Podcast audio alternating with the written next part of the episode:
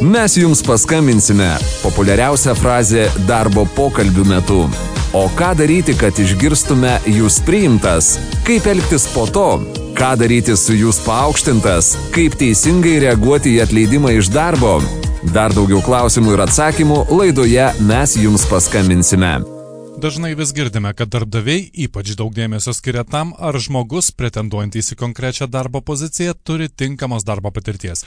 O ieškantis darbo, ypač jaunesnio amžiaus žmonės arba tie, kurie nusprendė pakeisti profesiją, susiduria su problema - tinkamos darbo patirties neturėjimu. Bet ar tikrai patirtis yra vienas pagrindinių ir esminių darbdavių reikalavimų? Ir ar tikrai be tinkamos darbo patirties įsidarbinti yra sunkiau? Apie tai kartu su video žurnalu aš ir psichologija rengiamoje laidoje mes jums paskambiname skambinsime, papasakos vadovavimo ekspertas Saulis Jovaišas. Labai sveikinčiau visus tuos, kurie neturi darbo patirties, jeigu turite norą surasti darbą. Skamba gal ir kvailai, bet uh, dabartinė situacija vis dažniau pasitaiko situacijų, kada žmonės be darbo patirties, jauni žmonės, jie realiai nenori susirasti darbo, nes jiems nėra dėl ko dirbti, nes nėra kam dirbti. Daugelį iš jų vienintelė priežastis, dėl ko reikėtų dirbti, kad mama nustotų zysti. Tai labai sveikinu, jeigu norisi uh, susirasti darbą. O realiai tai kelias yra tas pats, kaip susirasti bet kokiam žmogui su patirtimi. Tai yra eiti bandyti ten, kur nori patekti. Tik tai aš labai labai suprantu, kad apie tai turbūt šneka visi, bet gal dėl to ir šneka, kad tai yra svarbu. Tai yra eikit, pabandykit nemokamai. Padirbkit, pasižiūrėkit, pačiupinėkit, paturėkite praktiką. Arba tam tikrose vietose, kuriuose galbūt moko, moka mažai, bet yra įgausite tam tikrų kompetencijų, kvalifikacijos, kurias vėliau galėsite parduoti tam tikrą prasme.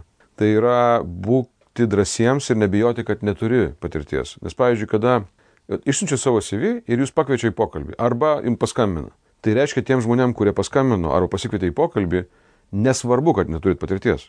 Jiems svarbu kažkas kito, kuo jūs jūs užkabinot. O užkabint galima. E, sunku užkabinti žmonėm, kurie neturi patirties, sunku užkabinti CV, reiškia tuo, tuo e, gyvenimo aprašymu. Bet net ir tuo atveju, jeigu nėra darbo patirties, tai vis tiek yra tam tikros patirtys, pasiekimai, kažkas organizavau kažką, ten kažkur kažką laimėjau, panašiai tokie dalykai yra svarbus, juos verta įtraukinėti į CV, pirmąjį CV ypatingai, tai visokie pasiekimai, kurie buvo mokyklo, universitete, aktyvumas tam tikras, pagalba tam tikra, socialinė veikla tam tikra, labdara tam tikra, kuri irgi labai, labai veikia ir labai kabina. Beje, puikus patirties šaltinis yra būtent labdara, labdaringa veikla, socialinė veikla, pagalba kitiems. Tai visą laiką užkabins darbdavį, vis tiek visą laiką pasirodys įdomu. O matai, o kodėl tu įėjai? Aha, reiškia, galbūt tau rūpi, galbūt tu esi tas žmogus, kuriam rūpės ir tai, ką mes darom. Tai čia yra toksai geras kelias. Tai taip galima užkabinti per gyvenimo prašymą.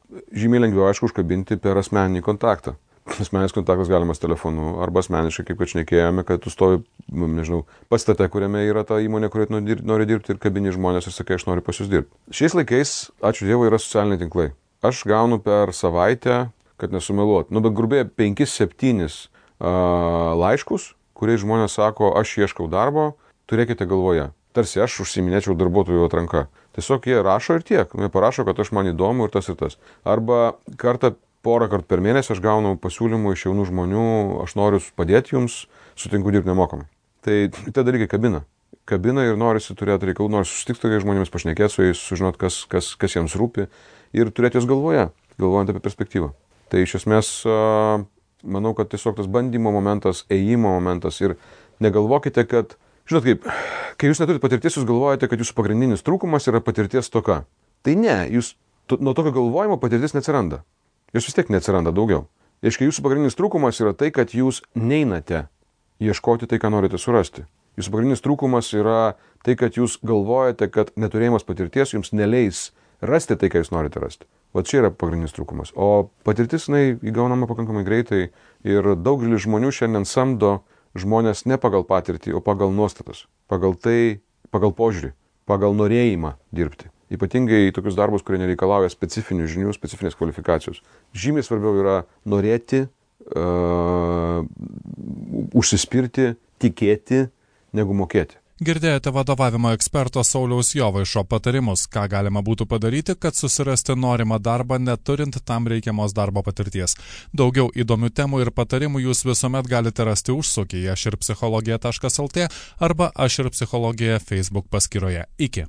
Kaip mes jums paskambinsime, paversti į kada galite pradėti. Darbo aplinka, kurioje praleidžiame didžiąją gyvenimo dalį, yra dinamiška, todėl stebėkime ir tirkime ją kartu. Visada turėkite planą su laida Mes jums paskambinsime.